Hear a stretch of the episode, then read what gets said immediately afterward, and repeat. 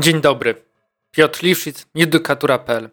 W tym odcinku podcastu opowiem Państwu e, o moich spostrzeżeniach po lekturze opinii Rzecznika Generalnego Michała Bobka w sprawie C245 na 20.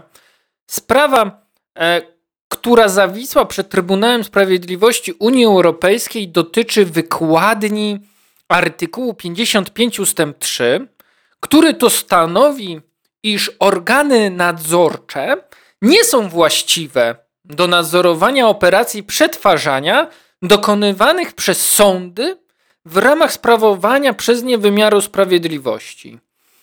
Zamysłem tego przepisu mm, w RODO była kwestia nie wchodzenia w buty sądownictwu, a więc nie wchodzenia w wymiar sprawiedliwości przez organy administracji publicznej, które są właściwe do wypełnienia zadań i mają pewne uprawnienia przyznane na podstawie RODO. Sprawa, która zawisła mm, przed Trybunałem Sprawiedliwości, jest o tyle ciekawa, że pozwoli, pozwoliła Rzecznikowi Generalnemu Trybunału Sprawiedliwości Unii Europejskiej wskazać kategorycznie swój pogląd, wskazać pewne rozwiązanie, które on uargumentował w sposób szalenie pasjonujący. I to ma dla nas tutaj, na naszym e, krajowym podwórku, także bardzo ważne znaczenie.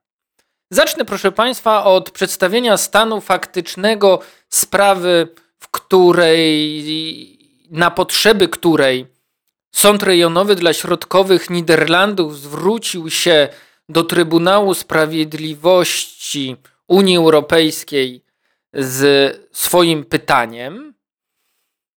Sytuacja wygląda następująco. Mamy postępowanie sądowe, tu nikt nie ma do tego wątpliwości, to jest niesporne. Postępowanie sądowe, administracyjne w zakresie obywatela, burmistrza, obywatela oraz y, burmistrza miejscowości Utrecht, adwokata, który reprezentuje tego obywatela oraz, proszę Państwa, sytuację, w której prawo niderlandzkie, przepraszam za przejęzyczenie, umożliwia sądowi przekazanie dziennikarzom kopii dokumentów z akt sądowych, części akt sądowych w celu e, przygotowania przez tych dziennikarzy, na ich oczywiście żądanie, ich prośbę, rzetelnego, opartego na faktach artykułu prasowego, tak aby nie doszło do szkody w opisywaniu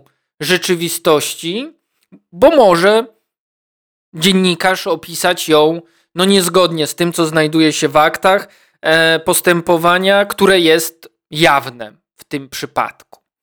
Tutaj, proszę Państwa, osoba, e, która miała styczność właśnie, która była stroną postępowania administracyjnego, nie chciała, aby dziennikarze opisywali ją z imienia i nazwiska i z bardzo dokładnego opisu sytuacji. E, napisała do mm, niderlandzkiego organu nadzorczego wniosek o zbadanie na podstawie RODO, na podstawie, na przeprowadzenie, wniosek dotyczący przeprowadzenia kontroli, przestrzegania RODO przez e, tą yy, agencję dziennikarską czy redakcję gazety. Organ nadzorczy, proszę Państwa, powiedział, że nie może tego zrobić, gdyż mm, organ nadzorczy do spraw ochrony danych osobowych nie jest właściwy. Bo według tego organu sprawa czy proces przetwarzania danych osobowych odbywa się w ramach sprawowania przez sąd wymiaru sprawiedliwości. I to jest, proszę Państwa, klub pytania e, prejudycjalnego skierowanego do Trybunału. A więc Rada Stanu w Niderlandach, która jest jakby oddzielnym organem nadzorczym, która została właśnie powołana na podstawie e, czy związku z artykułem 55 ustęp 3 miała za zadanie albo poczuła potrzebę zweryfikowania swojej właściwości do zajęcia się taką sprawą właśnie w Trybunale Sprawiedliwości Unii Europejskiej. Rzecznik generalny tego Trybunału w osobie pana Michała Bobka na początku października 2021 roku sformułował swoją opinię, w której musiał udzielić odpowiedzi na następujące pytanie. Tutaj je zacytuję w całości, żeby, żeby mieli Państwo świadomość, o co tak naprawdę pyta Rada Stanu w Niderlandach. Pytanie zostało ukształtowane tak. Czy artykuł 55 ustęp 3 należy interpretować w ten sposób, że pojęcie operacji przetwarzania dokonywanych przez sądy w ramach sprawowania przez nie wymiaru sprawiedliwości może obejmować oferowanie przez organ sądowy dostępu do pism procesowych zawierających dane osobowe, przy czym udostępnianie to polega na wydawaniu dziennikarzom kopii tych pism procesowych w sposób opisany w niniejszym postanowieniu odsyłającym. Tak brzmi pytanie. Mm, to, co jest istotne tutaj, proszę Państwa, to jest to, Dlaczego się w ogóle zastanawiamy nad tym wyborem organu nadzorczego? No, zastanawiamy się dlatego, że tak jak powiedziałem na początku, aby organ państwowy, jakim jest y, niderlandzki organ nadzorczy, czy u nas prezes Urzędu Ochrony Danych Osobowych, nie wchodził, proszę Państwa, w postępowanie sądowe. Że tam, gdzie jest wymiar sprawiedliwości, nie było organu administracji publicznej, tylko oddzielny organ, inny organ, który ma pewne uprawnienia. I teraz, proszę Państwa, przejdę od razu do opinii, do, do, do wniosków, żeby Państwu powiedzieć, jakie one mają przełożenie w moim zdaniem, moim zdaniem na polskie realia. Więc, proszę Państwa, e, pan Michał Bobek twierdzi następująco, iż Artykuł 55 ustęp 3 należy interpretować w ten sposób, że praktyka ujawniania dokumentów procesowych dziennikarzowi w celu lepszego relacjonowania rozprawy publicznej jest stosowana przez sądy w ramach sprawowania przez nie wymiaru sprawiedliwości. A proszę Państwa, takie stanowisko znaczy, że dochodzi do wyłączenia kompetencji niderlandzkiego organu nadzorczego. W tym przypadku oczywiście. I jakie ma to odniesienie do e, krajowych spraw sądowych czy krajowego organu nadzorczego? No, przede wszystkim ma takie, proszę Państwa, że w naszym e, obrocie prawnym mamy takie organy nadzorcze, które, mm, którymi są na przykład prezes sądu okręgowego, prezes sądu apelacyjnego jeden z bardzo ciekawych podmiotów, który ma ogromne kompetencje, czyli Krajowa Rada Sądownictwa. Ten ostatni podmiot, proszę Państwa, sprawuje e, funkcję właściwego organu nadzorczego nad przetwarzaniem danych osobowych przez Trybunał Konstytucyjny, Trybunał Stanu, Sąd Najwyższy, Naczelny Sąd Administracyjny oraz wszystkie sądy apelacyjne w Polsce w zakresie, w ramach prowadzonych przez nich, przez te organy postępowań.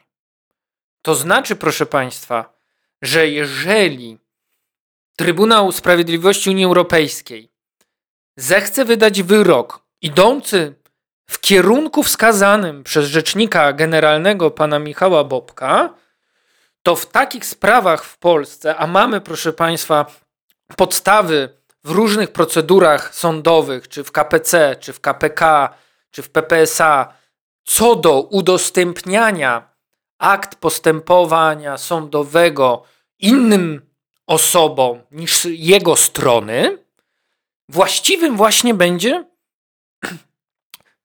ten, ten podmiot. I co z tego wynika?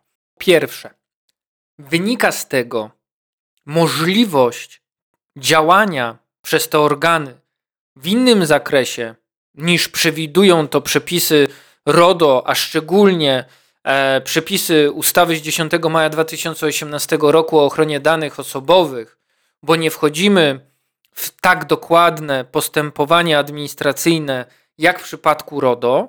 Tu, proszę Państwa, jesteśmy e, w takich działaniach, które są e, wskazane w ustroju sądów powszechnych, jak na przykład rozpatrywanie skarg osób, których dane dotyczą, podejmowanie pewnych działań, współpraca z innymi organami. Ale to, co chcę tu powiedzieć i co jest yy, istotą dzisiejszego podcastu, to są pewne uprawnienia tych organów. Proszę zwrócić uwagę, że nie możemy w zakresie postępowań prowadzonych przez na przykład Krajową Radę Sądownictwa otrzymać administracyjnej kary pieniężnej. Czyli prawidłowa interpretacja artykułu 55 ust. 3 RODO wskazuje na pewne bardzo ważne elementy.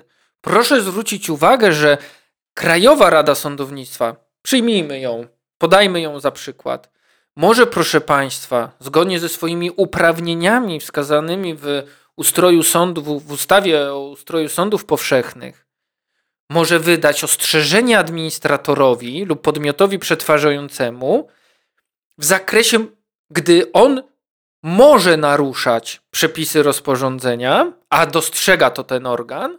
I proszę zwrócić uwagę, że on, ten Krajowa Rada Sądownictwa udziela upomnienia, udziela upomnienia administratorowi lub podmiotowi przetwarzającemu w przypadku naruszenia. Czyli mamy już niemożliwość, bo to było to wydanie ostrzeżenia, tylko mamy tu już, proszę Państwa, naruszenie przepisów rozporządzenia RODO lub ustawy 14 grudnia 2018 roku o ochronie danych osobowych przetwarzanych w związku z zapobieganiem i zwalczaniem przestępczości. Ale proszę zwrócić uwagę, że to jest koniec uprawnień.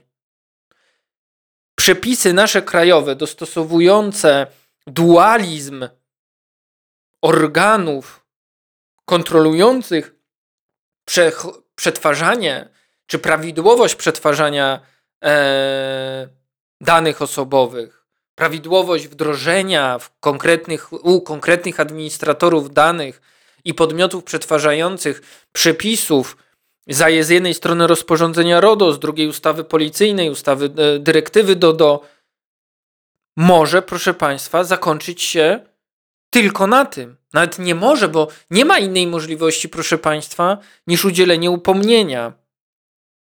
Mamy, proszę Państwa, tylko jedno uprawnienie tego organu. Zwrócę też uwagę, że jeżeli Trybunał Sprawiedliwości Unii Europejskiej e, wskaże nam takie rozumienie artykułu 55 ustęp 3, no to w naszym realnym mm, postępowaniu przed sądem cywilnym, karnym, e, w którym, proszę Państwa, znajdzie swoje zastosowanie w ogóle RODO i znajdzie, a nie znajdzie swojego zastosowania ustawa z 14 grudnia 2018 roku, e, czyli ustawa policyjna, ustawa DODO, no to zwrócę tu Państwa uwagę, że takie postępowanie organu nadzorczego nie będzie prowadzone na podstawie przepisów RODO. Tak? To będzie postępowanie, które będzie, proszę Państwa, pracowało albo będzie działało i będzie się odbywało na podstawie e, przepisów przede wszystkim ustawy o ustroju sądów powszechnych. Konkludując, Chciałbym Państwu wskazać, że ta opinia Rzecznika Generalnego jest o tyle interesująca, że pozwala w pewnym aspekcie wybić prezesowi Urzędu Ochrony Danych Osobowych z ręki argument, że to jest jego postępowanie administracyjne. Tak? Będziemy mieli możliwość w pewnych aspektach wskazania, iż tak wcale nie jest. Czekając na orzeczenie w przedmiotowej sprawie, bardzo Państwu serdecznie dziękuję za wysłuchanie tego odcinka podcastu. Z góry zapraszam na wszystkie kolejne. Dziękuję.